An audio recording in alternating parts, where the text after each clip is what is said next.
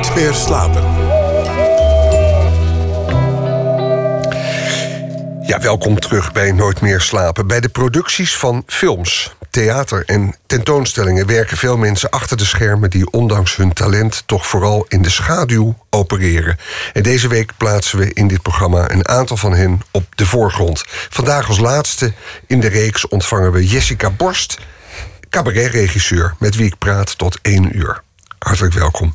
Dank je. Ehm, ter introductie, je regisseert artiesten als Brigitte Kaandorp, Dolf Jansen, Sarah Kroos en Pieter Derks. Dezelfde Pieter Derks van wie vanavond op NPO 3 het programma Van Nature was te zien.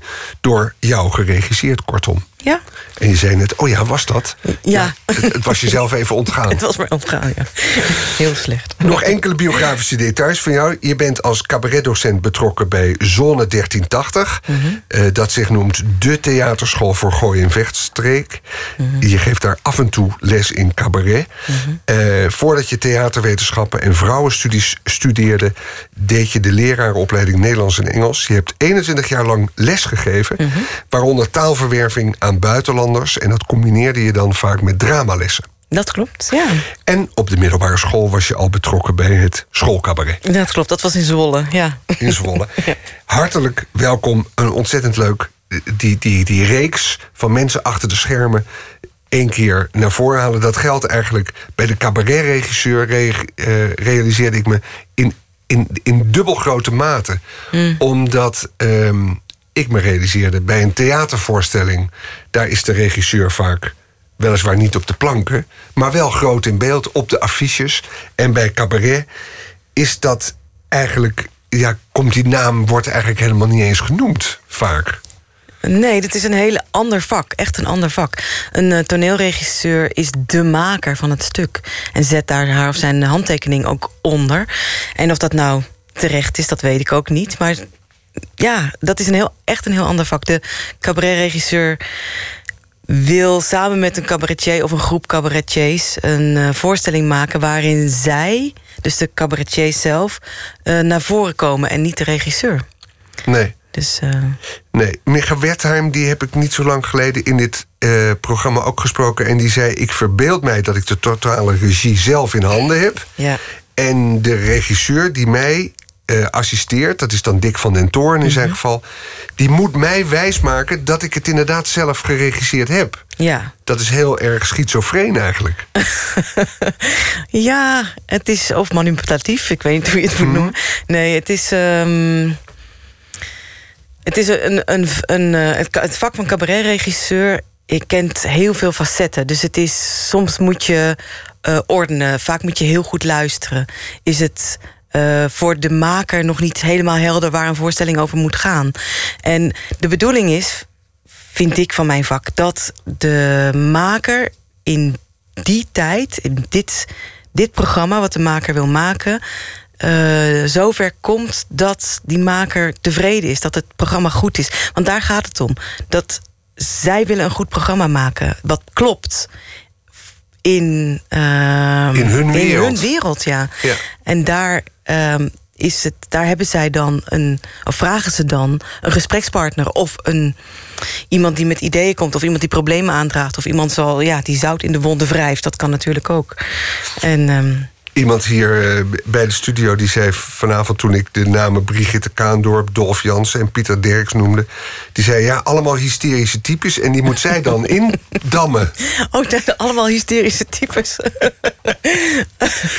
oh, dat vind ik wel een eh, karikatuur die ik eigenlijk niet zelf zou hebben gemaakt. Want hysterisch, nee, dat kan ik niet, dat herken ik nee, echt niet. is natuurlijk ook. eh, en dat bedoelde ze trouwens met alle respect. Ehm, maar het, het, het blijft natuurlijk, jij moet eh, aan de ene kant, een, bijna als een soort therapeut wel, eh, ja, ook die spanning die er ongetwijfeld steeds weer bij een nieuw programma bestaat. Pieter Derks, zijn programma kwam nu op de televisie, Mhm. maar het is eigenlijk zijn voorlaatste programma. Werkt nu dus weer aan iets nieuws. Mhm. En dat wordt dan toch van een cabaretier verwacht dat je elk jaar weer met een nieuwe productie komt. En dat is natuurlijk topsport. Dat klopt. En ook de cabaretiers die, die met wie ik werk, maken zelf hun teksten, eh, schrijven zelf hun eh, liedjes. En zijn dus in principe zelf de bron van die voorstelling. En dat is een hele, uh, soms een hele zware opgave. Maar ik denk dat ja, het meeste theater of film of muziek niet zomaar ontstaat. Ik, natuurlijk is het in het cabaret niet anders. En is het een onderzoek en is het een, een, een, een onderzoek dat soms helemaal niet vanzelf gaat. En soms weer wel. Soms, sommige liedjes, weet ik van de, uh, van de schrijvers... die schrijven zich in vijf minuten. En um, ja, dus het is... Het is een, een therapeut, voel ik me niet. Nee, dat, dat zou ik, zo wil ik mezelf niet kwalificeren. Maar het is wel zo dat, je, dat het dat ik wel wil begrijpen hoe uh, zwaar het kan zijn om een voorstelling te moeten maken. En ook om de druk van een première te voelen. Want er staat altijd een première datum. En dat is dan dus het moment dat zo'n voorstelling. Uh, moet worden gepresenteerd. En dan is het een zaal vol met mensen. En ook mensen die kritisch kijken.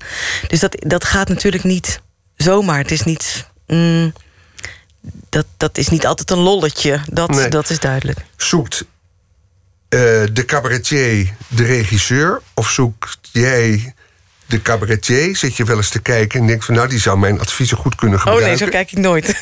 hoe, hoe vinden jullie elkaar? Ehm, mm, ik, de mensen met wie ik werk hebben mij gebeld. Mensen eh, eh, spreken elkaar natuurlijk en vragen zich af... als mensen op zoek zijn naar een regisseur... krijgen ze van collega's wel eens te horen... misschien moet je eens die en die bellen. En het is ook zo dat ik ook wel gesprekken heb gehad met eh cabaretiers... die graag eh, met mij zouden willen werken. En dan weet ik dat ik voor hen niet de juiste eh, regisseur ben. Nee, Dus want wanneer weet je dat? en dat heeft niet zozeer te maken met het materiaal, als wel bijvoorbeeld. ehm, ik ben bijvoorbeeld fysiek cabaret, daar moet je mij niet voor vragen. Fysiek cabaret. Ja, dus dat, dat, zijn, dat is bijvoorbeeld een, ehm, zoals een, een duo als Schudden. Dat ehm, hij in visuele grappen maakt en in de, vanuit de slapstick misschien denkt. Of dat slapstick is een beetje te nauw gezegd nu, maar Mhm. heel mooi fysiek cabaret maakt. Dat, dat, dat, dat snap ik niet voldoende. Daar, ik ben veel meer literair geïnteresseerd en, en talig en hou me bezig met actualiteit.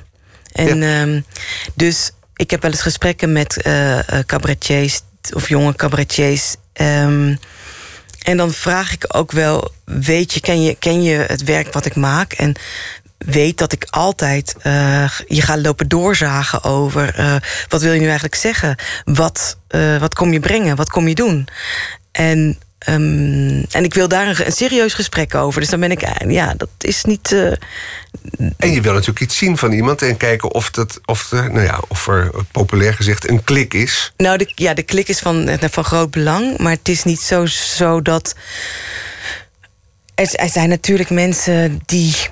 ehm, met wie het niet zo makkelijk praten is. En ehm, dat is, denk ik, belangrijk. Want op het moment dat je met een voorstelling begint hè, als een team, want het is een. eh, er, zit veel, er zitten nog veel meer mensen omheen. Het is echt een, een voorstelling wordt door meer mensen gemaakt. En ehm, en in de kern van het team staan dan vaak de cabaretier en de regisseur. Maar dat team moet dus een heel proces in, wat ook vaak onder spanning staat. Als je niet goed met elkaar praat, als je niet, elkaar niet goed verstaat... of als je elkaar niet goed in de ogen kan kijken... dan, is, komt dat op die momenten van spanning, gaat het dan mis. Dus, dus in zo'n eerste gesprek is het van het grootste belang om te aan te ja, voelen, is dat meestal. ehm, of dat gaat lukken, zo'n heel proces eh, door te maken. Ja. Want het is, als je zegt, als iemand vraagt. Eh, wil, zou je me willen regisseren? Want ik ga een nieuwe voorstelling maken. En het antwoord is ja, dus dan ga je echt een samenwerking aan. Dat betekent voor better and for worse. Dus je, je laat niet los, zo'n voorstelling. Hè? Dat, dat kan niet. Nee, het strandt nooit tussentijds. Je spreekt af, wij gaan tot de première datum Dat is de bedoeling. met elkaar aan de gang. Dat is de bedoeling, ja. ja. En Sarah Kroos heb je bijvoorbeeld heel veel mee gewerkt. Ehm, en is het dan automatisch ook zo dat je dan weer een volgende voorstelling eh, begeleidt? Nee, of, of, nee, of, of- nee. nee, ik vind het nooit vanzelfsprekend. Dus ik, ik ehm, ga er nooit van uit dat ik weer opnieuw gevraagd word door iemand. Nee, en... uit bescheidenheid. Maar... nou, nee. nee, ik denk echt dat, dat elke voorstelling uh, um, een bepaald soort regisseur kan gebruiken. Of het is niet direct vanzelfsprekend dat je als regisseur doorgaat met uh, voorstellingen maken met uh, mensen die je kent. Mm -hmm. um, dus ja, dus nee, daar ga ik, ik ga daar nooit van uit. Hoe komt jouw belangstelling voor dat cabaret? Uh, waar komt het vandaan eigenlijk? Van de middelbare school. Ja, want toen zat je al, toen deed je al leuk. Ja, toen, nou, nou, toen, ja, toen schreef ik mee. ik probeerde wel leuk te doen, maar dat is dan, ja. Maar of vind je dat eigenlijk badinerend als ik zeg toen deed je al leuk? Want... Nee, nee, nee, want het is echt inderdaad leuk doen. Cabaret is, gaat, gaat om, de, om de grap, moet om te lachen zijn. En het is natuurlijk ook vaak als het goed is, een scherpe grap. Of een, een grap of een, uh, een, een verhaal dat veel lagen kent. En, uh, maar als ik aan mijzelf denk ja. en mij herinner hoe ik toen ik jong was. Bram en Freek in de Schouwburg in Haarlem zag. Ja. En de rillingen mij over de rug liepen. En ja. ook ander cabaret. Dat kan soms.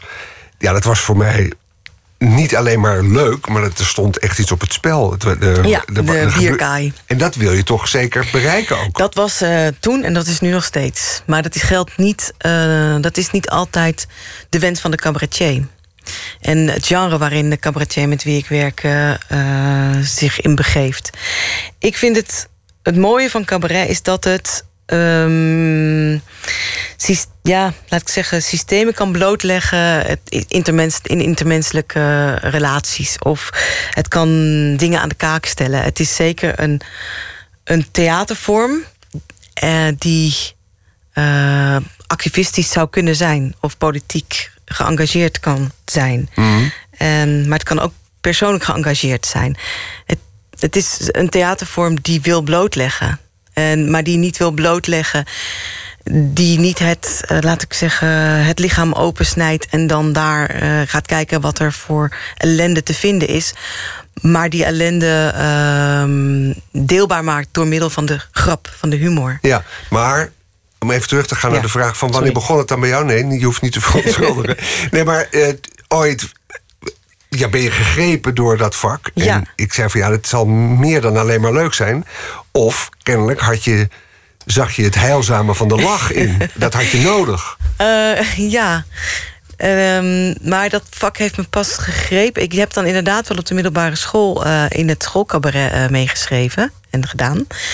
En dat ik vond dat een, een, een prikkelend toen, omdat het natuurlijk kritiek kon leveren op een, op een aangename manier. Het, is, het heeft een rebelse kant. En dat sprak mij op de middelbare school heel erg aan. En nog steeds, denk ik.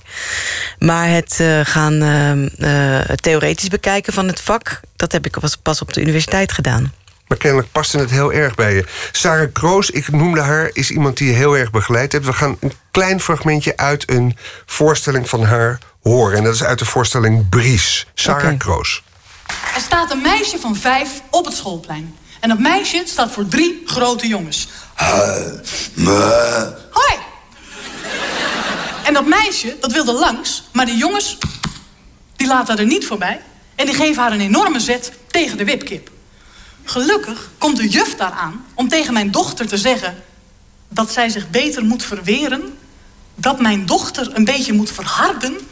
en nu zit mijn dochter, die zit op stop, hou op cursus. Ja, dat bestaat echt. Serieus. Dat is een, dat is een assertiviteitstraining voor gevoelige kleuters.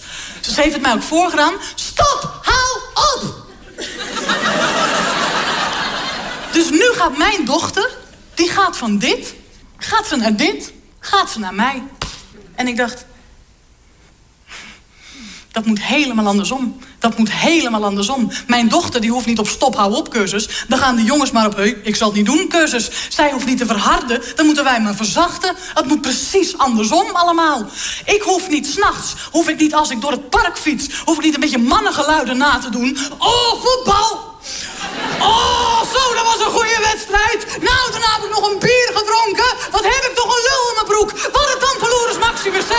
Oh man, dat is Latijn. Ik heb heel veel gestudeerd. Oh, voetbal, voetbal, voetbal. Dat hoef ik allemaal niet te doen. Die verkrachter achter die struik, die moet gewoon zijn tampeloerus Maximus in zijn broek houden. Scheelt ons allebei een hele hoop gedoe. Het moet precies andersom. Ik hoef niet in een burka te lopen, omdat jij dit een te geil gezicht vindt. En terecht. Dank u. Dank u wel. Dank dank u. Als jij dit niet wilt zien, dan doe jij maar een lapje stof om je ogen. Dat scheelt ook meters lap. Het moet precies andersom allemaal. Ja, de cabaretier Sarah Kroos. Deed het goed, Jessica Borst? Oh ja, dat was, dit was echt uh, ja, dit was een topstukje. Ja. Herinner je je dan dat je dit samen met haar maakte? Ja, ja, zeker. Ja, dat is heel bijzonder. Ik weet uh, soms ook vaak waar, het, uh, waar we het geschreven hebben. Of ja, en dat is vaak op een terrasje. of ergens aan een picknicktafel uh, buiten. Ze heeft wel eens gezegd over jou van ja... en Jessica Borst die stelt dan de rotvragen. Ja. Dan kom je met iets en dan Ja. zegt ze... ja, maar waar gaat het nou eigenlijk over? Ja, dat klopt. Dat ja. is jouw taak. Ja, dat is soms een heel vervelende eh, taak, maar het is. ehm, mm, dat is wel. Zo, wat er, wat, zoals Sarah en ik samenwerken, is vaak dat zij eh, de, teksten die ze. Die, de, de eerste versie van de teksten eh, voorleest. Gewoon eigenlijk, eh, of voor. voor ze gaat er ook vaak bij staan. En dan probeer ik alvast vooruit te kijken of het gaat passen in het programma wat we van plan waren om te maken. En, en dan ben ik degene die inderdaad de, eh, de hele kritische eh, kijker eh, Mhm. is. Ja, ja. En daar ook heel voorzichtig mee omgaat. Nee. mensen kunnen... Micha Wertheim vertelde van ja, als ik... Dat is dan trouwens iemand die jij dus niet regisseert... Nee. maar die zei van ja, ik ben onhebbelijk... Onhebbelijker kan ik niet zijn dan in dat proces als ik aan een voorstelling werk. Ik scheld en ik tier en ik raas. Hmm. Ja, ja. Ik- hij zegt het is bijna alsof ik psychotisch word af en toe. Oh, dat, dat kan voorkomen. Ehm, mm, ik ken het niet zo van de mensen met wie ik werk. Nee. Maar ik hoor, het kan voorkomen. Maar ik begrijp het wel dat dat zo is. Ja? Ja. Want? Omdat het, eh, de voorstelling moet ja, ergens uit een laag komen. Dat klinkt een beetje vreemd, maar dat, die moet omhoog getrokken worden ergens uit. En het is vaak hoe meer, hoe meer waarheid er in de voorstelling zit, hoe beter die voorstelling wordt. Maar net als ieder mens wil je ook als maker niet die waarheid of die kern of die angel. ehm, van een voorstelling in een verhaal, wil je die meteen onder ogen zien. Ja, geldt dat trouwens voor alle cabaretiers? Je zou kunnen zeggen van zo'n Joep van het Hek bijvoorbeeld. Ja. Die is getraind en gepokt en gemazeld. Ja. Die gaat gewoon vrolijk eh, met een biertje zijn nieuwe Ja. programma eh, tikken. Ja, ik vraag het me af. Ja? ik weet niet hoe dat werkt, want ik heb hem eigenlijk nooit zien werken. Zou hij Ehm. iemand zijn die je zou graag eh, eh, regisseren? Eh, oh, ik zou, eh, ja, ik zou graag met hem om de tafel zitten. Dat lijkt me echt Zou eh, hij van heel jou veel kunnen leren? Oh, nou, dat vraag ik me wel af. Nee, ik vind hem een hele, hele goede verhalenverteller. En dat, dat, eh, dat, dat ja, daar, daar valt niets aan te leren. En wat ik ook op een, gegeven, op een gegeven moment ook heel mooi vind om te zien... is dat iemand een stijl heeft... eh, zoals Joep van Teck een stijl heeft gevonden. En die, eh, die stijl die werkt. Die werkt voor hem en die werkt voor zijn verhalen. En wat ik heel erg prachtig vind om te zien... is dat hij voor mij geloofwaardig zich eh, de narigheid in de samenleving aantrekt. En dat zie je ook heel duidelijk in zijn columns. En ja, dat, dat spreekt me wel aan. Maar Ja. hem regisseren, nou, ik zal het eens eh, overwegen. Je hoeft eigenlijk niet eens eh, een enorme fan van iemand te zijn om te kunnen regisseren, lijkt mij nu Hmm. de conclusie. Maar je moet iemand misschien toch inderdaad als een psychiater zichzelf leren eh, ja, tot op de bodem te, eh, uit te vinden. Je moet geen fan zijn, nee, natuurlijk niet. Want dat zou, eh, dat zou het een beetje raar maken. Want dan kun je ook niet meer kritisch zijn, natuurlijk. Je moet zelfs geen fan zijn. Nee. Nee, dat zou ik. nee, ik kan, bij, ik kan het bijvoorbeeld heel erg. Eh, heel erg knap vinden als mensen bijvoorbeeld heel erg goed kunnen timen. Dat is zoiets magisch. Dat is ook niet aan te leren. En soms zijn er van die avonden dat de voorstelling in zijn geheel fantastisch getimed is.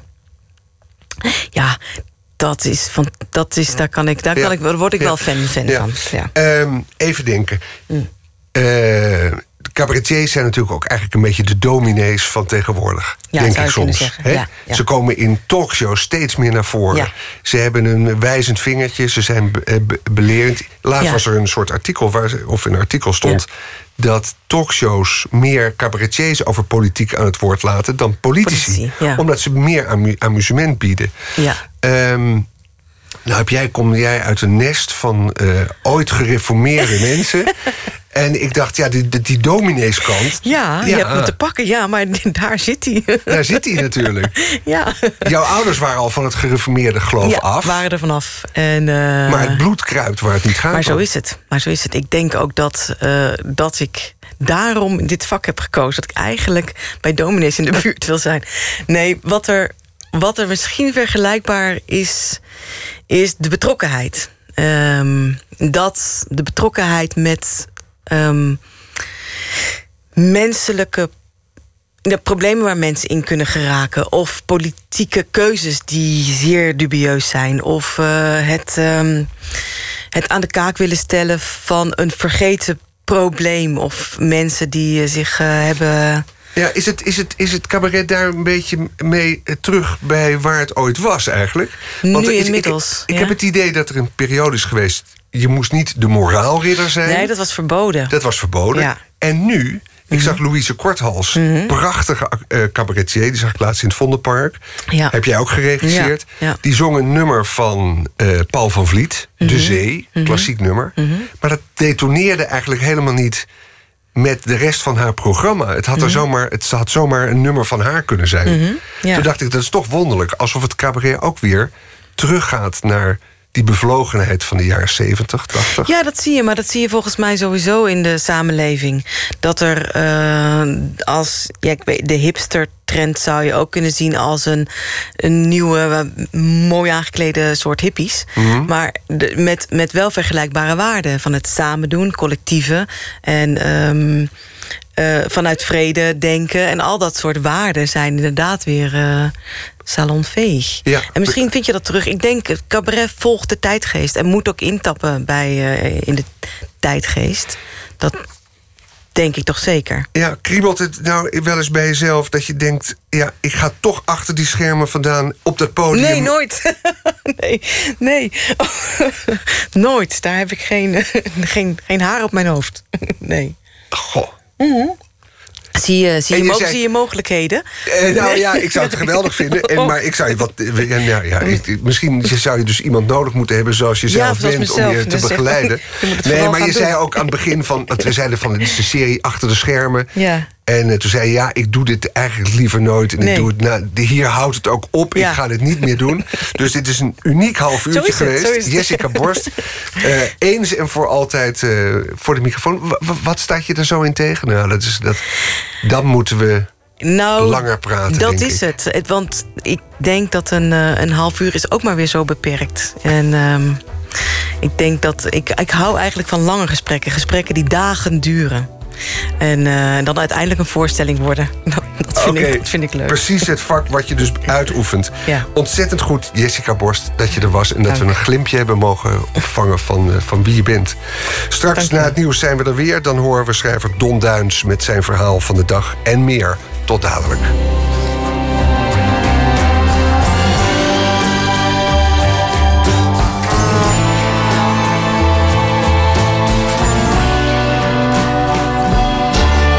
Radio 1. Het nieuws van alle kanten.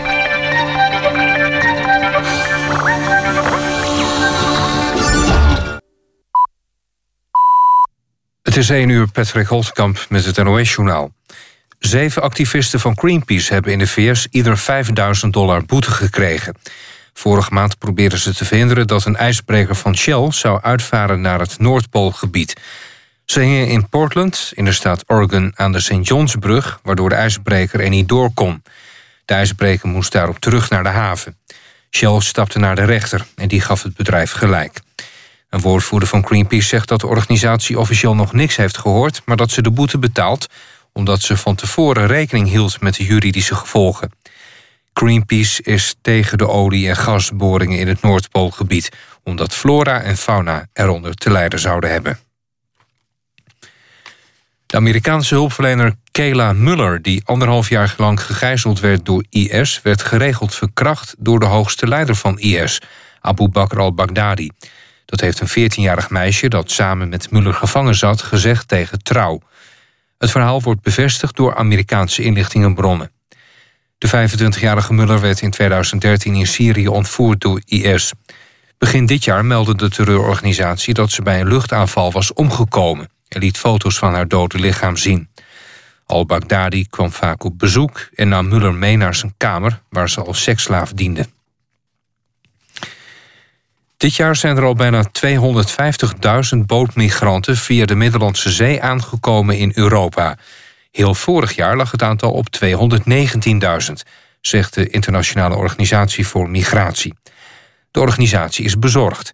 De directeur spreekt van een verontrustende situatie en pleit voor een gezamenlijk Europees beleid. De meeste bootmigranten komen uit Syrië en gaan via Turkije naar Griekenland. Het weer. Verspreid over het land vallen een paar stevige buien met plaatselijk onweer. Later vannacht trekken de buien weg. Overdag wisselend bewolkt en enkele buien. Het wordt 19 tot 24 graden.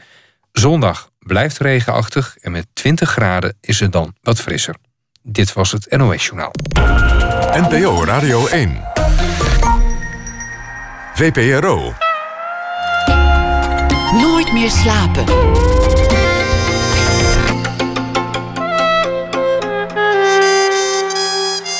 Met Anton de Goede. Ja, welkom terug. Straks volgt hier een gesprek met acteur Eelco Smits... die zich voorbereidt op de première van zijn eerste solo... volgende week Song from Far Away. En we bellen met onze smaakmaker Anne de Meester... directeur van het Frans Hals Museum in de Halle in Haarlem... voor een tip uit de cultuur. Maar we beginnen, zoals u van ons gewend bent... Uh, met een schrijver die zijn licht op het nieuws van de dag laat schijnen. En dat is deze hele week Don Duins. Don Duins studeerde theaterwetenschappen, was verantwoordelijk voor fantastische toneelstukken als Snorro, Lang en Gelukkig, Woofside Story en Groeten uit Den Ilp. Daarnaast schreef hij romans en televisieseries. En was bijvoorbeeld actief voor Hertekamp en Missie Aarde. En filmscripts als Valentino en Bannebroeks Got Talent, et cetera, et. Goeienacht, Don. Goeienacht, Anton. Mooi dat je ook deze vijfde nacht weer voor ons paraat bent. Ja, uh, een andere telefoon, want ligt het net ligt uh, plat van mijn eigen provider. En dat is T-Mobiles, hè? Ik, ik hoor ja. dat 30% van de aansluitingen... Het, nee, ik dacht van, ik zit daar ook bij. En ja hoor, ik, ik ook niet. Ook niet ja. bellen. Het is grappig dat ik uh, dus nog een bijna een anachronisme, zo'n vaste lijn ook nog heb. Dat komt nu goed uit. Ja, een landlijn. Een landlijn, ja. Iets voor oudere mensen, ja. um, nou, prima om van jou deze vijfde nacht te horen via de landlijn... wat het verhaal wat jou is overkomen vandaag... of, of wat het nieuws van de dag is dat je triggerde voor een verhaal. Wat was het? Ja, het, het, is eigenlijk het nieuws uh, een beetje van de week... waar ik al vier dagen verhaal over wil schrijven. Nu heb ik het de vijfde dag eindelijk gedaan. Ja. Dus ik ga het voorlezen. Het heet IJsjes en Water. Dat is het verhaal over Kos. Dat is het verhaal over Kos. Waarvan je, je partner eerder deze week zei... lees het nou niet voor, want het is nog niet goed. Nee, maar nu heeft mijn, uh, ja, mijn vrouw had dat gezegd... en nu heeft mijn dochter me geholpen. Die heeft me op het programma gewezen dat ik terug heb gekeken... en nu had ik eindelijk een ingang tot het verhaal. De, zoals je weet is dat het belangrijkste bij het ja. schrijven van een verhaal. Ja, dus het is en, een familieproductie. Nu is het goedgekeurd, ja. Oké. Okay. Door de familie. Maar, het ze is, slapen allemaal. het is ook een heel heftig thema, dus uh, ik ben benieuwd wat je erover op papier hebt gezet. Uh, hier komt het. Ja. IJsjes en water. Kos is een eilandje van 40 bij 8 kilometer groot. Dat deel uitmaakt van de dode Canesos in de Egeïsche Zee. Je kunt er paardrijden, windsurfen of kitelessen volgen... bij zonsopgang trouwen en standbeelden van Hippocrates bezoeken de aartsvader van de geneeskunde die op het eiland werd geboren. Kortom, je kunt er de gewone dingen doen die je als toerist, toerist zoal doet. Aangevuld met wat plaatselijke specialiteiten. De enorme toevloed van met name Syrische vluchtelingen op onder andere Kos, maar ook op Lesbos... zorgt voor mensonterende taferelen waarbij het fenomeen toerisme frontaal botst op de drang naar een beter en vooral veiliger bestaan van de vluchtelingen. Je schaamt je rot als je leest en ziet wat daar allemaal gebeurt. En je tegelijk beseft hoe machteloos je bent. Maar dat geldt niet voor iedereen. Afgelopen woensdag zag ik in het tv-programma Hollandse Zaken van Omroep Max, gepresenteerd door Kees of Cees Grimbergen, twee frisse Nederlandse jongeren. Bob Bos en Maaike Schub. Deze gebruinde twintigers hadden vakantie op Lesbos gevierd en eerst vooral genoten, ijsjes gegeten en een scootertje gehuurd.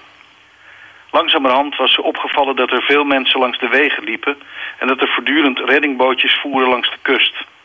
Kortom, ze werden zich bewust van de asielzoekers en in plaats van hun reis om te boeken, besloten ze de gestrande mensen zo goed mogelijk te helpen. Bob bracht ze bijvoorbeeld water en Maaike ijsjes. In het Max-programma vertelden ze, zichtbaar nog steeds aangedaan, hoe dankbaar de vluchtelingen waren met deze kleine gestes. Bob's ouders besloten zelfs hun terugvlucht af te boeken om langer op Lesbos te blijven om hulp te bieden. Hulp die de autoriteiten niet langer bij machten waren te verschaffen. Thuis in Nederland schreven Bob en Maaike een column voor de gratis dagkrant Metro. In plaats van bemoedigende reacties begon de onderbuik van Nederland zich op internet te roeren. In dit tijdperk, waarin bijna niemand zich meer schaamt voor zijn racistische, chauvinistische en of totaal bekrompen gedachten, kun je die reacties, reacties eigenlijk wel uittekenen. Stelletjes sukkels, terugsturen die profiteurs, eigen volk eerst en de allerlomste, vluchtelingen helpen is je reinste verraad. Al dus mensen die er vaak nog hun eigen naam onder zetten ook. Vanuit hun angst dat Nederland onder de voeten gelopen gaat worden... keren ze zich tegen alles wat anders en op de vlucht is. Onder het motto, laat ze overal heen gaan, maar niet hierheen, die zwerminsecten. Wat die onfrisse reaguurders niet beseffen... is dat ze eigenhandig de gedachte aan een vrij en in hun woorden leefbaar Nederland om zeep helpen. Juist mensen als Bob Bos en Maaike Schub die vanuit al hun aandoenlijke naïviteit hulp geven... vanuit hun hart en op bescheiden schaal. Juist die mensen vertegenwoordigen voor mij wat dit land moet zijn. Open, genereus en rechtvaardig. En als het uitdelen van ijsjes aan bijna verdroogde mensen wordt gezien als de daad van sukkels... dan denk ik dat we ver, heel ver zijn afgedreven. Punt. Punt. Don Duins. En daar gaan we over nadenken en daar hoeven we niet verder over na te praten. Deze ode aan Bob Bus en Bob Bos en Maaike Schub. Heel erg eh, dank voor deze behartenswaardige woorden. Het gaat je goed. Jou ook. Goeienacht. En wij gaan luisteren naar muziek. Joan Wasserman, beter bekend als Joan as Policewoman... met het nummer uit 2006 dat uh, over het echte leven uh, wil gaan. Althans, de titel luidt Real Life.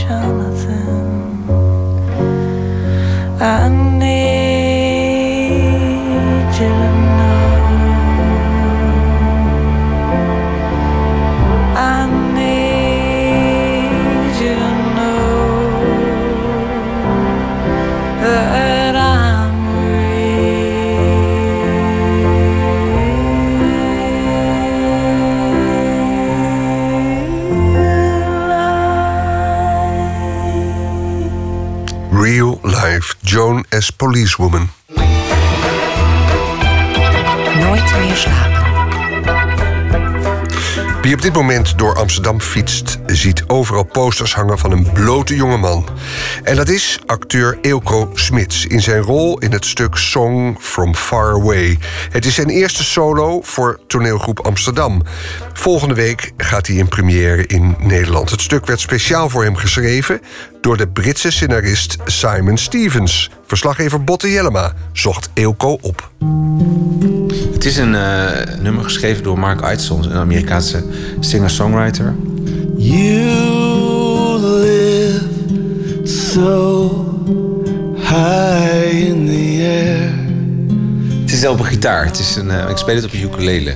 Wat ik moet spelen, dat kan ik. Het is natuurlijk leuk om te zeggen dat ik dat kan, maar dat, is, dat kan ik eigenlijk niet. Een handjevol akkoorden, ja. Ik heb wel les genomen hier op de, deze mevrouw. A statue stands alone, staring at his phone. Ja, ik vind het een heel mooi nummer. Ik was heel blij toen ik... Er is nog heel veel aan veranderd, maar ik weet nog het moment...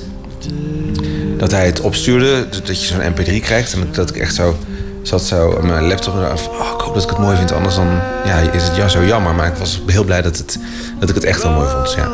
Want het is, eh, het is allemaal voor jou gemaakt, uiteindelijk. Eh, de, de tekst en het nummer. Ja, het is, ja, het is bijzonder wel, ja. Of ja. Ik, ehm, Ik hoor een klein ofjaatje. Zo bijzonder is het misschien ook Nee, heel erg bijzonder. Eh, Jawel, maar ik zit zo te denken... bijvoorbeeld over dat nummer. Dat is, hij, die Mark Eitzel heeft vaker samengewerkt met Simon Stevens. En, dus het is niet zo dat Mark Eitzel met, zijn, met mij in zijn hoofd... een lied heeft gemaakt, denk ik. Maar, nee, maar het is, ik ben heel blij daarmee. Het is hartstikke bijzonder. Ja. En ehm, het is ontstaan... Ivo van Hoven, de regisseur, die had al een tijdje... zei ik al jaren geleden tegen mij... ik zou wel eens een keer iets heel kleins met jou willen maken... omdat we vaker van die hele grote producties doen. En eens in de zoveel tijd maakt hij iets kleins... wordt La Vue Man met Aline Rijn... en Nooit van elkaar met Chris Nietveld een paar jaar geleden. Dus dat was, dat was heel leuk. En dan duurt het natuurlijk heel lang voordat iets ligt. Voordat iets concreets... Wa- waarom wilde Ivo dat met jou? Dat weet ik niet. Dat moet je aan hem vragen. Dat is dan... Dat weet ik niet. Dat weet ik niet. Wat vond je er zelf van? Heel erg leuk natuurlijk. Dat is, dat is natuurlijk een enorme eer. Ja. Simon Stevens, ja, dat, is, dat is eigenlijk een bekende van Toneel Amsterdam. Die heeft eh, eh, Ubu bewerkt. Koning Ubu voor, een voorstelling van een paar jaar geleden. Dus die, zat, die kennen we allemaal wel. En die, die ziet veel voorstellingen van ons. En die kennen mij als acteur. En, die, en we hadden een keer een workshop met jonge Nederlandse schrijvers. Die teksten ging schrijven. En om een of andere reden waren de teksten in het Engels. En die ging ik toen lezen. En Simon was daarbij. En dat klikte wel. En, dat, en Engels is ook wel goed. Het was eigenlijk het plan van... Als hij nou iets... Als hij nou iets maakt... Ja. Zo is het gekomen. En toen is- toen is hij samen met Mark Eitzel, de muzikant... is hij een paar dagen naar Amsterdam gekomen. Is, hij- want hij ging zich laten inspireren door de stad. Maar ontstond er dan een vriendschap tussen jullie? Of hoe moet ik me dat voorstellen? Nee, niet echt. Dat is wel grappig. Want dat, denk, dat, dat dacht ik dan ook. Maar ik ben dan... hij- ik ben niet zo ontzettend... Ik maak niet zo heel snel contact met mensen. En hij is heel Brits. Dus dat bleef een beetje hangen in beleefdheid. Dus we gingen wel, ze gingen wel naar de kroeg. En dan was het zo'n beetje van... eh, ja, ja, beleefdheid. Niet zo van, nu ken ik je en daarom kan ik nu dit schrijven. En, dus dat, dat vond ik wel leuk. Dat dat, niet, dat, dat dat dus ook niet hoeft. Want toen las ik de tekst en toen dacht ik wel... Op een paar momenten dacht ik, wauw, dat is wel heel... Dat is, ja, ik was daar heel blij mee. Ik ben heel blij met wat het is geworden. En ik vind het een ontzettend leuke man. Het is een ontzettend hartelijke, vriendelijke, ontzettend getalenteerde man. Dus Ja, maar niet een vriend, nee. ja. En grappig is hoe dat werkt. Laten we het dan even hebben over waar het stuk over gaat. Ehm, eigenlijk vertel je het verhaal uit eerste persoon, want het is een solo die je speelt, eh, van een bankier eh, die werkt in New York en geboren is in Amsterdam, geloof ik. Ja. Hij keert terug naar zijn geboortestad, Amsterdam. En hij moet hier naartoe terug, want hij gaat naar de begrafenis van zijn eh, jongere broer. Ja. En aan de hand van eh, brieven die, eh, die de bankier schrijft. Ja, wanneer schrijft hij die precies? Of hoe zit het met die brieven? Hij wil eigenlijk voor het eerst contact maken met mensen, denk ik, als ik erover nadenk. Dus dan gaat hij broer schrijven. Heel, heel erg, eh, hoe heet dat? Frantic. Ik weet even het Nederlandse woord niet. Fanatiek, of... Fanatiek, ja. als een soort van, ik moet het nu allemaal opschrijven. En gebeurde dit, en toen gebeurde dit, en toen gebeurde dit. En zo kom je, door wat hij schrijft aan die broer... kom je achter zijn relatie met zijn broer... zijn relatie met zijn ouders... zijn relatie met, met zijn ex-vriend. Kan ik je vragen om een fragmentje te, eh, te citeren? Ja, ehm, bijvoorbeeld de tweede brief begint zo. 26 januari. Lieve Pauli. Schiphol is geen vliegveld meer. Eerst nog wel in de jaren 60, tegenwoordig is het een kleine voorstad. Het duurde me drie kwartier om bij de rookruimte van Murphy's Bar te komen. Ik kwam daar aan en het leek alsof het de laatst overgebleven echte plek op de wereld was. Ik bestelde een dubbele whisky ginger ale, een bittere dubbele espresso. Ik rookte drie American Spirits en ik probeerde mijn biologische klok goed te krijgen. Het was half twaalf in de ochtend. Papa belde zodra ik naar de tent buiten liep. Maar ik had een topidee. Het was volstrekt logisch. Ik zei hem dat ik niet thuis zou slapen. Ik zei hem dat de bank had aangeboden om een kamer in het Lloyd Hotel voor me te boeken... en dat ik hun aanbod had aangenomen. Dat is veel beter zo. Ik bedoel, waar zou ik moeten slapen als ik bij hen zou blijven? Ik zou in jouw kamer moeten. Zo klinkt het dan. Er zit, iets, eh, er zit ook iets zakelijks in, hè? Iets... Ja, dat is, maar dat is het mooie, vind ik, aan die tekst, dat het zo begint. Het is een zakelijk iemand. Het is iemand die niet kan voelen. Die niet meer, eh, die niks met mensen aangaat. Die, dat- die, eh, en doordat hij zo gedwongen wordt om in zijn, bij zijn familie... Hij zegt van, ik wil dus niet thuis zijn. Nou, op een gegeven moment moet dat. Hij ontkomt er niet aan om te zien... eh, om, om naar zijn ouders te gaan, om te zien hoe zijn vader verdrietig is. Om met zijn, met zijn moeder te praten. te- en dat vind ik er heel mooi aan. Dat hij echt zo, ja... Of je daar wil of niet, hij is, hij is familie van die mensen die hij heeft achtergelaten. Give away your good name, your pride and shame. Oh, Elke, het is wel grappig, want ik, ik heb jou eerder geïnterviewd toen je speelde in... Oh, nu ben ik kwijt. Volgens mij was het een Tsjechov, maar ik weet het niet helemaal zeker meer. Of een Ibsen. waarin je... Eh, spoken. Spoken. En ja, want daar, daar lig je op een gegeven moment... Het is een hele wrange scène waarin je... De persoon die je moeder speelt, geloof ik... Geef me dan eh overdosis morfine, ja. Ja. En dan, ben je, dan lig je naakt op het podium, echt helemaal. En toen, toen ik je daarover eh interviewde, toen zei je... ja, dat is iets wat ingewikkeld is voor acteurs om over te praten. Over eh, iets bloot te spelen. En nu zit je weer bloot op een poster Ja. staan. Je staat in dit stuk ook bloot op het podium. Ja, ja. Heel lang ook, ja. Ja, het is zo... Wat wil je erover weten eigenlijk? Nou ja, ik, ik merkte toen dat je, dat je er soort van verlegen mee was. Van, van ja, dat is iets wat ik op het podium doe. En heb, Ja, maar dat ik nog steeds wel zo. Alleen het is zo... Het gaat altijd over... eh, mensen, mensen denken snel... Weet ik niet hoor, maar of ik denk dat, dat... Dat je dan heel exhibitionistisch bent. Of dat je... Dat het gaat over... eh, dat je het graag laat zien of whatever. Maar het gaat, zeker in deze voorstelling... Volgens mij heel vaak bij heel veel acteurs... Gaat het over schaamte en over... ehm, over dat je ziet dat, dat een acteur moeite kost. Volgens mij, als een, als een publiek ziet dat een acteur geen moeite kost, dan is het, dan is het porno en is het niet interessant. Maar soms, en ik wil helemaal niet zeggen dat dat in dit geval zo is, maar ik vind dat niet makkelijk. Maar ik vind het in deze voorstelling, omdat het zo'n broze voorstelling is en zo eigenlijk ook het verhaal heel eenvoudig is, geeft dat een, een, een extra dimensie eraan. Wat, wat, wat betekent het? Wat is het moment dat... eh, Er komt een punt in de voorstelling dat hij... Dan is hij terug op zijn hotelkamer en letterlijk in de tekst staat ook van... ik neem mijn kleren uit. Dus dan hij kijkt in de spiegel en hij ziet... Hij, hij zegt, hij zegt ik, probeerde, ik sta de lange tijd in de spiegel... en ik probeerde eh, de schimmen van papa's gezicht... uit mijn kaaklijn en de eh, plooien van mijn huid weg te kijken. Dus het gaat ook over het lichaam en over bloot zijn... en over helemaal niks meer hebben. Alleen maar dat lichaam zijn. Wat familie is van dat lichaam. En denken wat... ja, dat. Dus een pure, eh, rauwe, lichamelijke beleving. En wat dat, dus toen het moment kwam, dacht ik ook na twee keer... ik moet daar eventjes wachten met praten. Want die mensen worden ook ongemakkelijk ervan. Dus het is, het is niet niks. Het is niet zo van, kijk mensen, Hatsa, weet je wel. Dus daarom... daarom eh, ik, ik- en, en tegelijkertijd denk ik ook, ja, het gaat, de- het gaat de hele tijd over. Maar ja, die posters communiceren ook dat het erover gaat. Of dat het aan de hand is in die voorstelling. Dus ik vind het ook helemaal niet... En ik heb er ook wel iets over te zeggen. Maar ehm, het is nog steeds een soort geheim iets... Ja, ja. Wat is, wat is nou het, het belangrijkste wat je... eh, want het, het is je eerste... Nou ja, je eerste solo bij toneelgroep Amsterdam. Ik weet niet wat je hiervoor... of je eerder solo's Nee, nog nooit. Nee, dit is echt de eerste keer. Ja. Wat is het belangrijkste wat je daaruit hebt gehaald?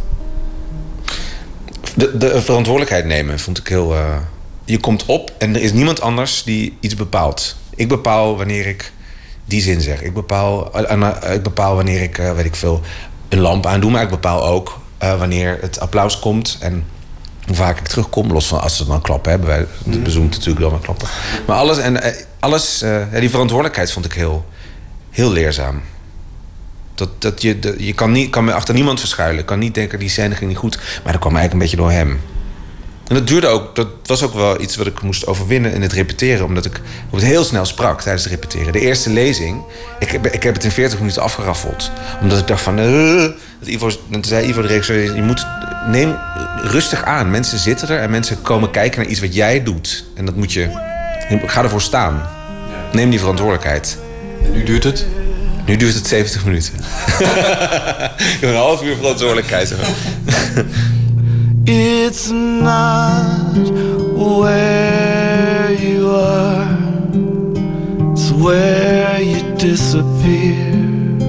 And is there someone near to wish goodbye? Nummer van singer-songwriter Mark Eitzel... dat de centrale rol heeft in het stuk Song from Far Away. U hoorde daarover Botti Jellema in gesprek met acteur Eelco Smits... van toneelgroep Amsterdam. Het stuk werd speciaal voor hem geschreven dus door Simon Stevens. En Eelco speelde het eerder in Brazilië... en gaat het ook nog in Londen spelen. Woensdag is de Nederlandse première in Amsterdam... waarna een landelijk tournee volgt. De zanger Max Jury komt uit Iowa. Hij is jong, maar het nummer Great American Novel is bijna ouderwets georchestreerd.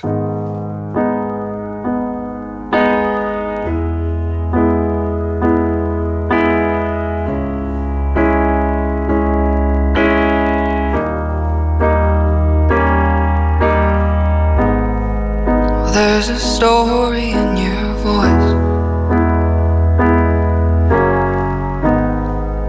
in the way you say goodnight. Leaves me wanting more.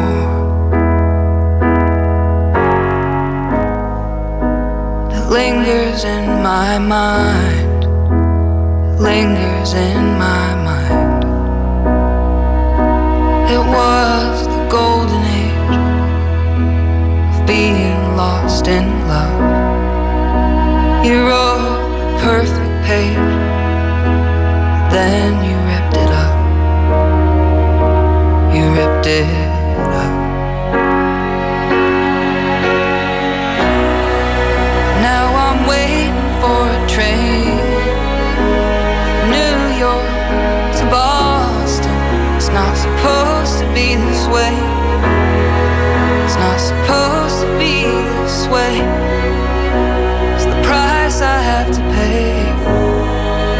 Throwing roses at the rich girls.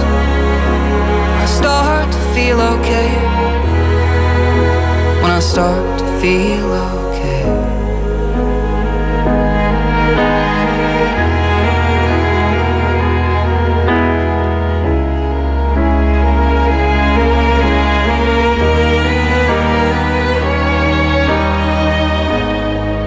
There's a song inside my head.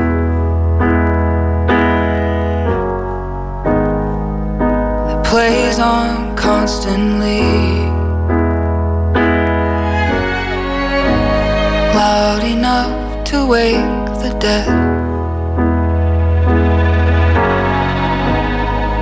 It's a song for you and me. It's a song for you and me. Those were the sleepless nights, learning to sunken eyes, being too far gone,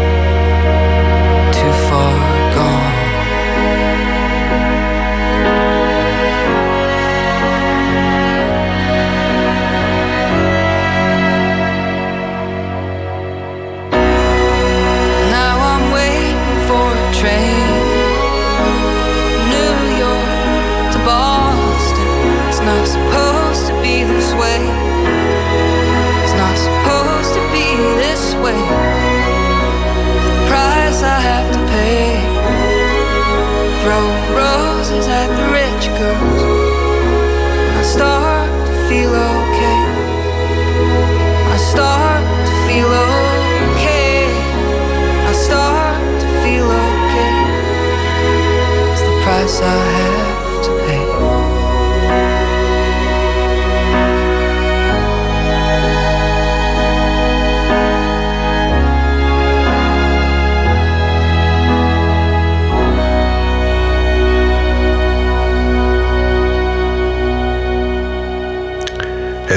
Great American Novel van de Amerikaanse zanger Max Jury.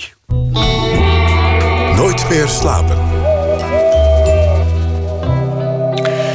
En dan nu. Iedere vrijdag bellen we rond dit tijdstip voor een culturele tip met een van VPRO's zogeheten smaakmakers. En vandaag doen we dat met Anne de Meester, directeur van en het Frans Hals Museum in Haarlem en van De Hallen. Goeienacht, Anne. Goeienacht, Anton. Ehm, ja, het culturele seizoen gaat weer beginnen. Ja. Eh, en en het, het, het, het zomerreces loopt op zijn eind. Jij hebt gezegd, ja, ik wil wel een expositie onder de aandacht brengen en een boek. Je hebt de rustige tijd eh, bes- besteed aan het lezen van een boek. Vertel. Ja, wel, gelukkig wel meerdere boeken. Ik ben, zelf ik ben een beetje omnivoor als het over lezen van romans gaat. Maar ik heb deze zomer iets, een oud boek gelezen dat mij echt ontzettend bevallen is. En dat ik ook wat, wat merkwaardig is. Het heette Escal Vigor van eh 19e eeuw, ja, 1920 is de eh Franstalig Vlaamse auteur, George Eekhout. En eh, ik hou zelf heel erg van eh, symbolistische, daarom niet alleen Vlaamse auteurs, maar eh, en Eekhout is daar één van.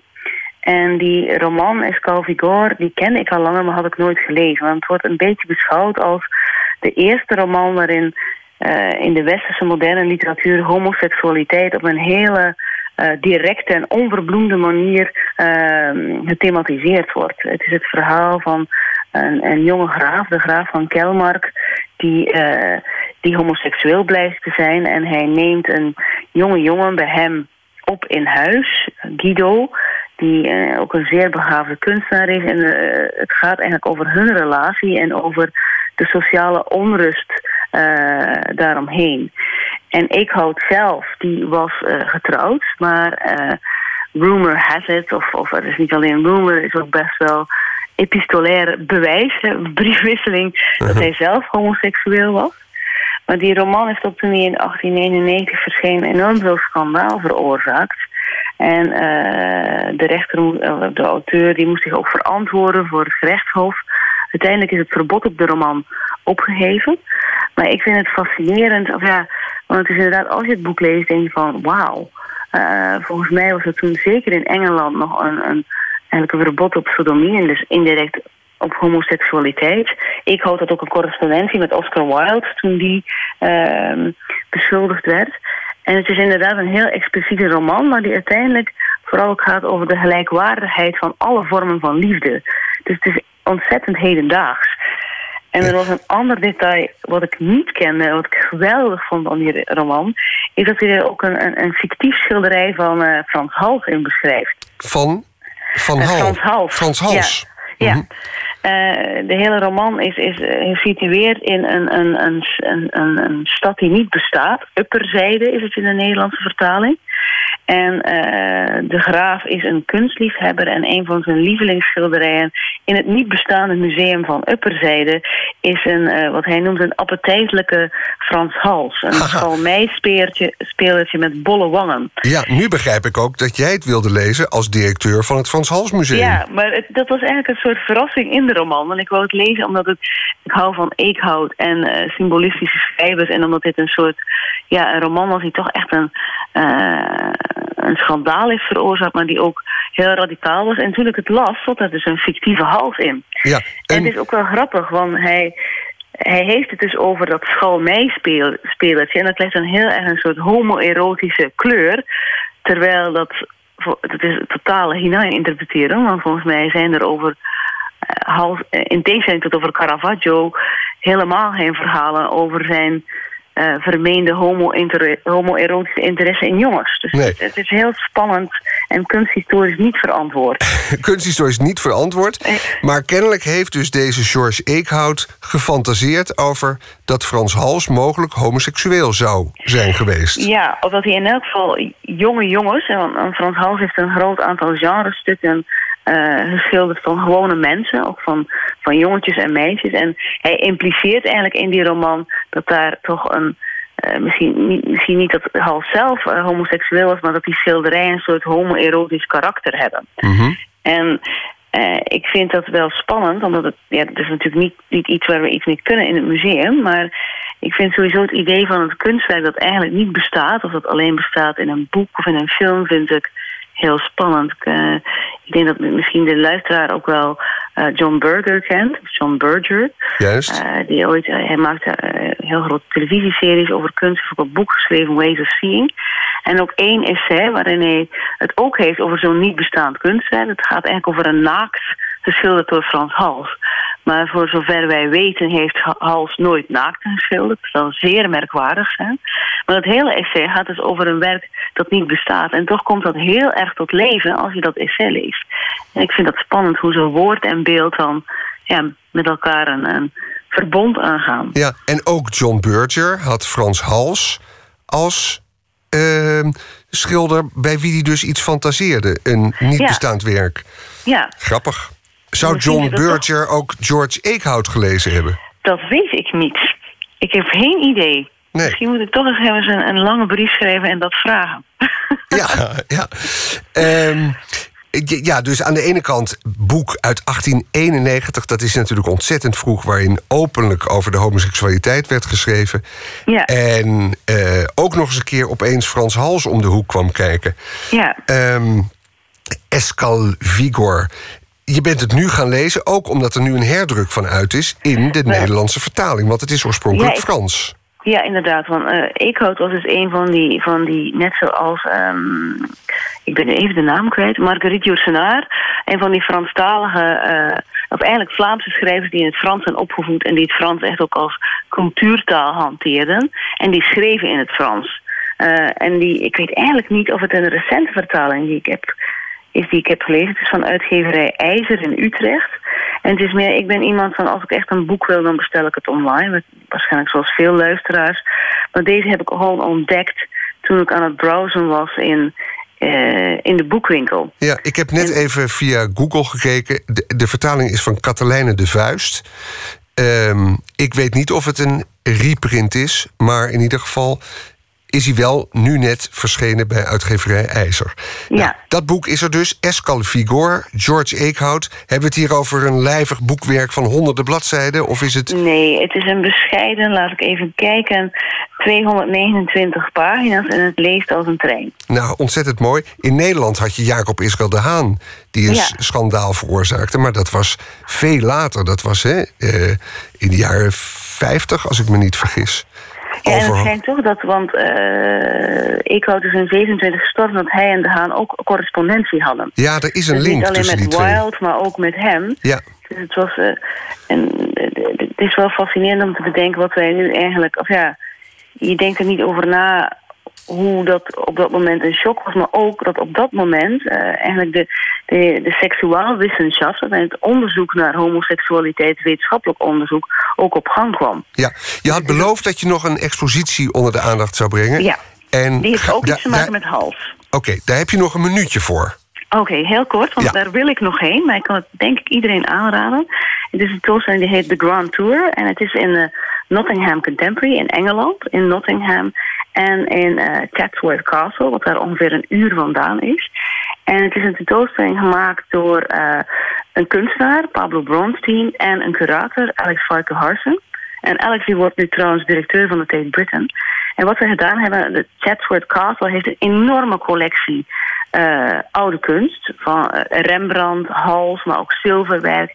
Die eigenlijk door de Dukes van Devonshire, al die kunstenaars zijn verzameld toen zij hun Grand Tour door Europa deden. En toen zij als jonge mannen om hun eh, opvoeding, culturele opvoeding te voltooien, een tour maakten, voornamelijk in Italië en door Europa heen, om dus meer kennis te vergaren over eh, kunst en cultuur. De westerse kunst en cultuur waarschijnlijk ook heel veel hebben gezopen en gedronken en geschranst. Maar, en eh Bronstein die maakt eigenlijk een hedendaagse tentoonstelling met meer dan 62 kunstwerken uit dat historische kasteel.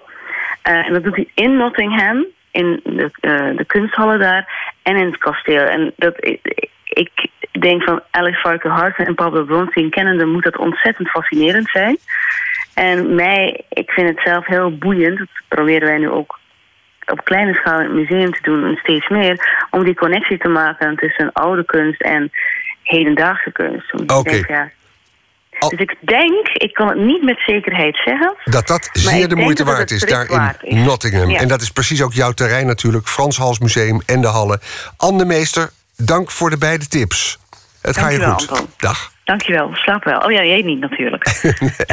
Dag. Dag. Nee, want we gaan nog niet slapen. We gaan luisteren naar een eh, gezelschap uit Melbourne, Australië. Vier leden, de band Totally Mild. Hun eerste album heet Downtime. En daarvan is hier nummer Quista.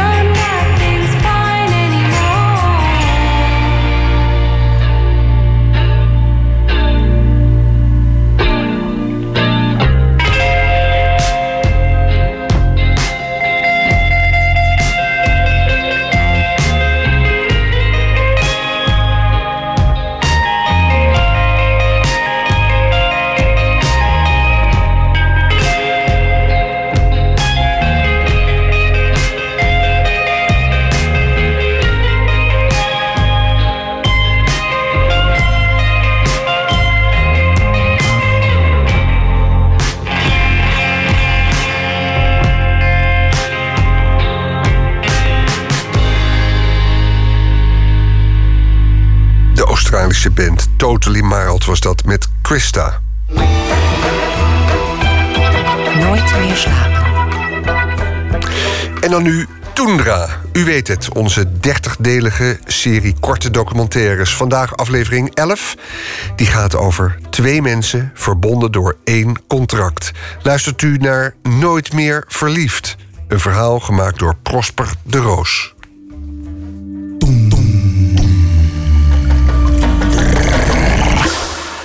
Kijk, wat was mijn inloggen weer? Vorige keer zat ik ermee te handen. Eh, dit is een dating site. Geen toegang meer via de gebruikte link. Log dus handmatig in.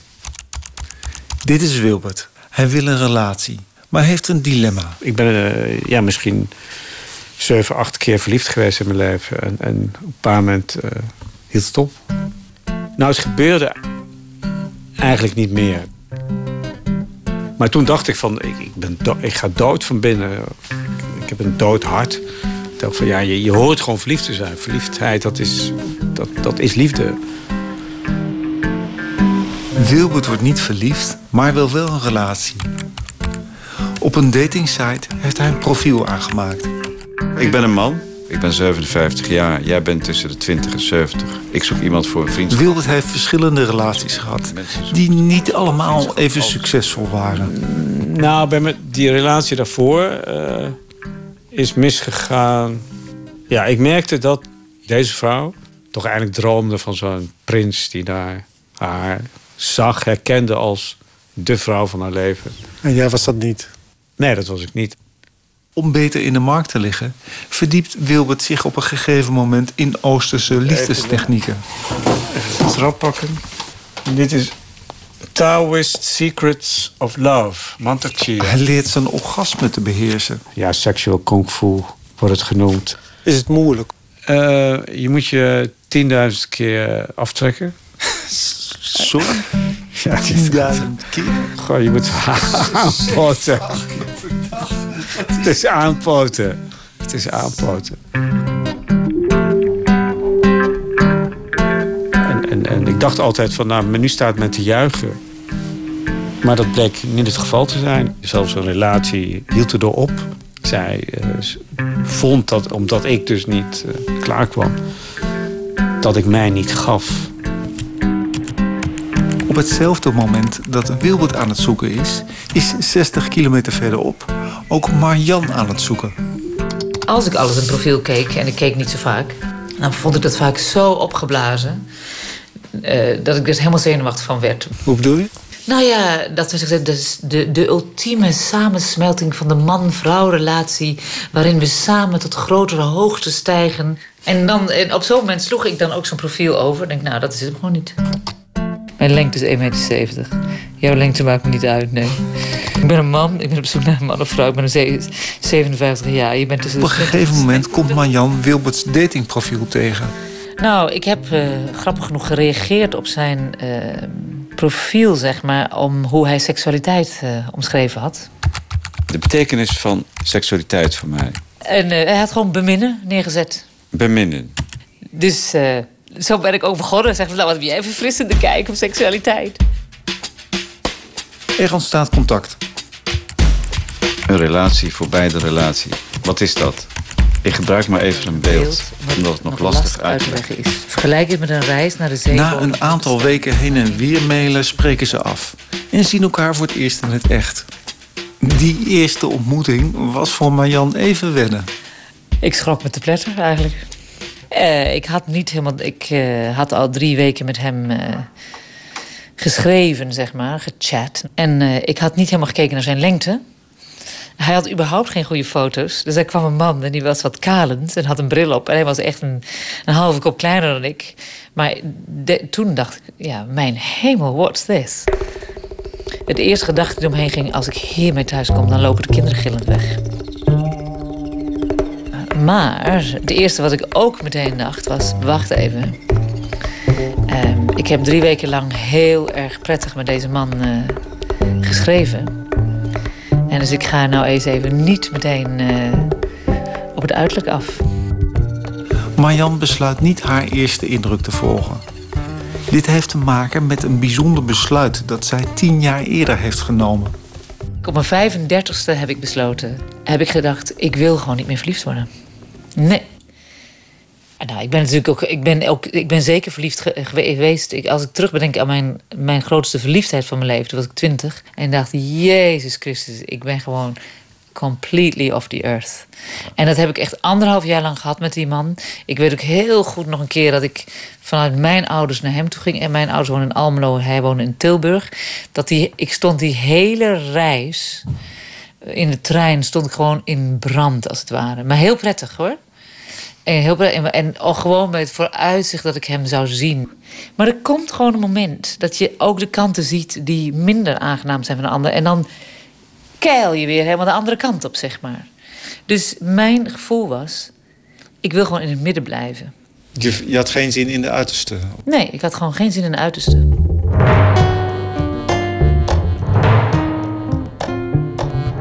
Twee mensen die niet verliefd worden, vinden elkaar. Eigenlijk eh, zijn we een heel onwaarschijnlijk stel. eh. Nou, zoals ik zei, om, omdat hij natuurlijk in feite een heel ander type is dan wat ik altijd gehad heb. ook qua lengteverschil. Dus hij is langer dan ik ben. Ik was niet verliefd op hem. Hij is ook niet verliefd op mij. Ja, ik heb ook, eh, ook wel eens gedacht van, nou ja, wat, wat ben ik nou helemaal aan het doen? Er kwam een heel vroeg een punt dat we besloten om een contract af te spreken. Zo, we gaan gewoon drie jaar een relatie hebben. Wie kwam met het idee over een driejarig contract? Ik.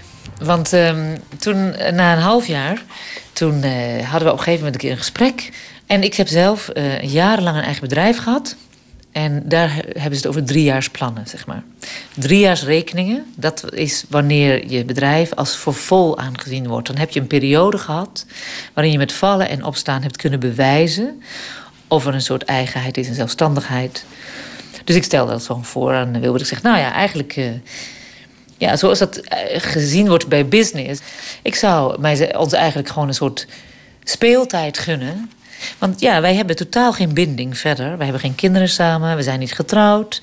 Dus je gaat out of the blue, begin je iets. En wat let je om te zeggen, nou, dat was leuk, doei. Het contract eh, gaat niet over allerlei voorwaarden of eisen waaraan eh, wij of zij of ik moeten voldoen. Maar dat is heel simpel. Het gaat alleen maar over de, de, de relatieduur. Wilbert en Marjan nemen niet emoties als basis voor een relatie. Maar wat dan wel? Ik heb voor mezelf ontdekt dat gevoelens niet de basis zijn van de liefde. Maar dat het omgekeerd is. Dat het liefde iets is wat je, wat je doet. Kunnen we zeggen, het zijn de vlinders die dit doen. Nee, maar uiteindelijk ben je het zelf die het doet. Het is een activiteit. Je bent gewoon vrij om lief te hebben. Zeg van, nou ja, jou bemin ik. Laten we beginnen. Dus het, wat niet wil zeggen dat er niet heel veel warmte is. Maar ik zou bijna zeggen, de warmte was meteen van een soort, noem het maar menselijke aard. Ik geloof dat ik vannacht totaal in slaap ben gevallen terwijl we aan het het vrijen waren. Jij, jij zegt, ik geloof het ook. Ook Wilbert zijn Oosterse liefdestechnieken doen het goed.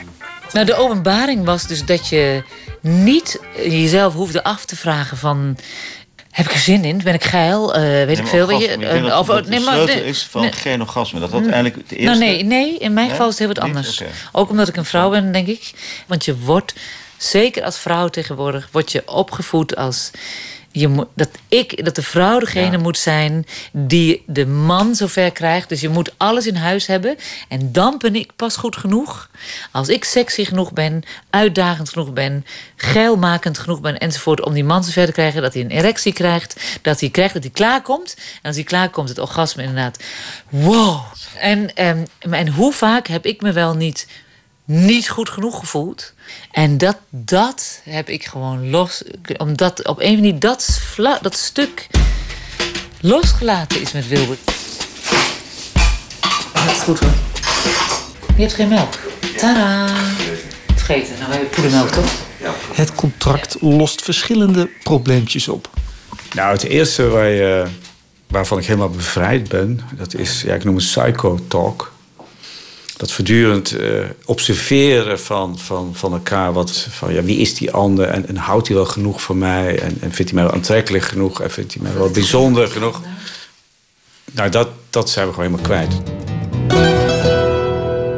Maar een contract neemt niet alle relatiespanningen weg. Ik denk dat ik, als we het contract niet hadden, dat ik al een paar keer zou zijn weggelopen. Nou ja, waar ik het, het gevoel had van Jezus, ik lig met de duivel in bed. Eh, ik, ik kom uit een antroposofische achtergrond. Nou, Wilbert is meer een filosoof. En ehm, hij was zo bikkelhard over mijn, ja, even zeg maar, mijn geloof, mijn aannames. En dat ik echt soms woedend trap aflag. You fuck you, weet je. Over, over dat, dat ik eigenlijk al wou zeggen, ja, maar dit geloof je. En, Dus, maar dat, dat, is- dat, dat clasht compleet. Dat is, de- dus dus eh, dat, dat is totaal niet de levens... de- we hebben, dat is de hele levensvisie niet, niet van Wilbur. Dus dat waren de momenten dat ik gewoon echt bijna uit elkaar knalde. Van nou, hij houdt niet van me. Miskent Hij me. ziet me niet, hij miskent me. I'm off. Daarvoor ben ik eigenlijk jarenlang eigenlijk altijd geïntimideerd geweest door de vrouwelijke emotie. Na mijn vorige relatie heb ik gedacht, oké, Sloes, dat, ik laat mij gewoon niet meer chanteren. Ik laat me niet meer intimideren. Dus dat ik eigenlijk voor mijn gevoel veel botter ben. Wat ik, eh, ten tegen eh, Marjan. Omdat ik ja, eigenlijk geen compromissen meer eh, sluit. En toen was het dat ik dacht, fuck you know, ik laat me niet kennen. Ik hou die drie jaar vol. ja, maar ik ben wel eens naar hem toe gegaan. eh, en dat ik dan dat ik, dat ik van binnen dacht, ik- ben ik nou gek of niet? Waarom ga ik naar hem toe? Ik wist bij God niet waarom ik naar hem toe ging, behalve dat ik dat contract had. Oh, dat deed ik niet. Ja, verdomd, ja. Dat is interessant dan. Zet een knekkenbreud op de plek van de thee. Oh ja, ik was heel veel met mijn kop. eh. Ja, nee, dat... ja, dus een gat, ja, het kan er staan. Kijk, het is ook wel een experiment, ja. En ik had ook zo nu best twijfels. Ik had nog twijfels, dan ben ik, ben ik nog helemaal gek geworden. Of krijg hè, anderen zeggen, oh, je zit in je hoofd en je bent veel te rationeel. En je volgt je gevoel niet. En waar is je passie dan, et cetera. Maar dat vond ik dan ook weer juist de uitdaging. Je? Het was gewoon echt een soort gek experiment. Het contract is drie jaar geldig. Afgelopen oud en nieuw liep het af. Ik vond het heel spannend. Ik had echt zoiets van, ja, wat nu? Was je bang dat hij het contract niet zou verlengen? Nou, ik was meer bang dat we op een... eh, nou, misschien wel een beetje. En toen was ook de vraag, wat gaan we nu verder doen? Waarom moet je op beslissen om, om, om door te gaan of niet? En mijn voorstel is, en maar dat is- hier zijn we het niet over eens. Dus nu verlenging van twee jaar. Daarna één, één jaar. Ja, eventueel dan één, Eventueel. Maar, één, maar dan moet er een kleine pauze zijn. Ben je het mee eens? Ehm, nou, waarom ik het eerst niet mee eens was, dat, was dat Wilbert zei van meteen na drie jaar, nou dan moeten we een half jaar pauze nemen of zo. Dat is van ja, Jezus. En dat, eh, de, dat daar, daar ehm, nou ja, dat vond ik wel een soort koude douche of zo. Ik, eh, zoiets van, ja, waarom, als, waarom zou je iets stoppen als het goed gaat? Weet je? What's the point?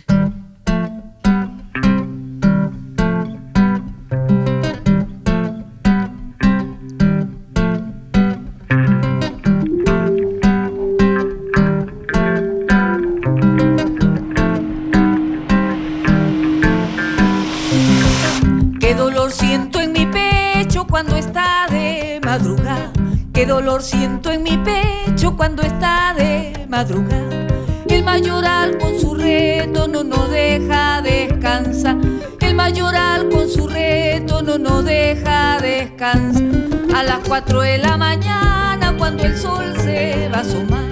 A las 4 de la mañana cuando el sol U hoorde Nooit meer verliefd. Een verhaal gemaakt door Prosper de Roos. Eindmix Alfred Koster. Eindredactie Jaije Stijn.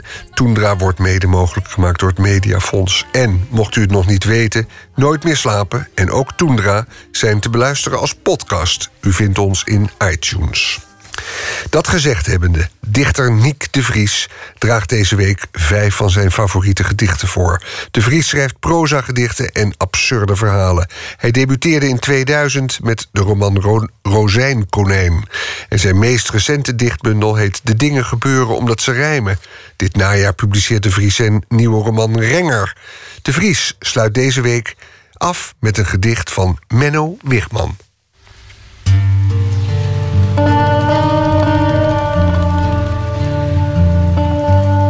Gedicht dat ik vannacht ga voordragen is van Menno Wigman. Het heet Glazen wassen ziet schilderijen. Het gaat over een glazenwasser die vanaf heel hoog naar beneden kijkt. En het doet me denken aan de tijd dat ik woonde in een flat in Groningen. In mijn studententijd. Uh, maar ik heb eigenlijk vooral voor dit gedicht gekozen omdat ik Menno laatst zag optreden. En mijn eigen werk is nogal kaal. Het is heel rationeel. Elke stap moet zeg maar um, beredeneerbaar zijn. En toen ik hem zag optreden, ging ik helemaal mee in zijn flow. En het was erg inspirerend, dus ik dacht er moet gewoon een gedicht van Menno bij. Vandaar deze keuze. Glazenwasser ziet schilderijen. Auto's, gelach, geraas. Alles slaat dood. Op zeven hoog. Ik hoor alleen mijn spons en het verkouden knarsen van het staal waaraan ik hang. Soms spreekt een wolk mij aan, of gis ik wat een meeuw te zeggen heeft. De mensen druk, wit, stemloos, achter glas. Op acht hoog kunst. Dat meisje daar, die lach. Wie heeft haar zo bespied dat ze immuun voor complimenten mijn gezicht inkijkt? En wanneer breekt die sperver uit zijn lijst? Ik hang hier als een ijskoud schilderij, waar niemand oog voor heeft. Ik poets en zwoeg en maak het uitzicht vrij. Schilder er maand na maand onvervalste wolken bij. Kijk, daar kruipt al zonlicht in mijn lijst. En dat was Nick de Vries met het gedicht Glazenwasser ziet schilderijen van Menno Wigman. Volgende week sluit Lammert Voos dagelijks onze uitzendingen af met een gedicht door hem gekozen. Ja, tot zover deze uitzending van Nooit meer slapen. Aanstaande maandag praat Pieter van der Wielen een uur lang tussen 12 en 1 met F. Starik, bekend van F. Starik en de Alzheimer All-Stars. Dat en meer. Hier en nu maken wij plaats voor Woord.nl. Dus blijf luisteren. Na het nieuws van twee uur, uw presentator straks is Maarten Westerveen. Dag.